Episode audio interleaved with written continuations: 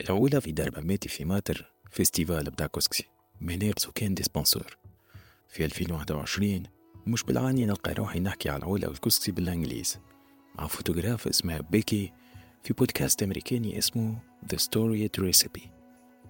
بربشت وصفت شوية تصور قعدت في ذاكرتي وين نتكلم عاودت لما مع عائلة كبيرة مفرقة كان الموت يا حسرة بقي عجبتها فكرة العولة والكسكسي عطيتها ال recette جربت طيبت وخطفت لها كملت عملت له shooting وحطيناه على ال site متاعها من غادي سكرنا الموضوع وبيت الحس.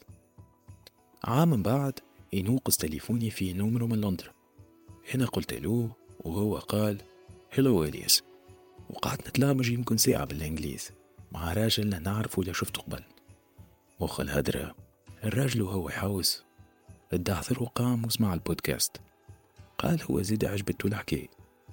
بيحب يعرف أكثر على عاداتنا وماكلتنا في الشمال.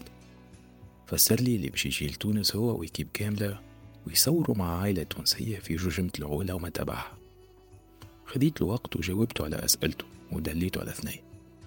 مرة عاد كي نسيت ما قلت لكمش. السيد طلع مدير الإنتاج متاع جيمي أوليفر. للي ما يعرفش جيمي أوليفر هو شيف إنجليزي البرامج متاعو دارت العالم. بالنسبة ليا كان أكثر برشا من هكا. جيمي هو ثاني إنسان بعد أمي غرمني بالكوجينة. وأنا صغير نحلم نعيش كيفه. عيشة متاع شاب عمره ما فاتش 18 سنة عنده Vespa يقضي بها من المرشي وعنده appartement في حومة في لندرا يستدعى فيها أصحابه ويطيب لهم ماكلة يقعدوا يحكيوا عليها نهار كامل وما يتعبوش.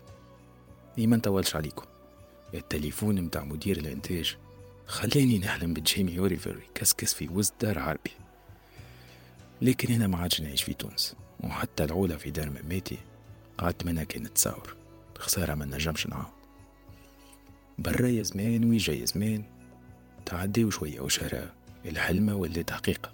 على خاطر جيمي والكيب بتاعو. لقاو توانسة أخرين كملوا وراوهم ثنايا في تونس.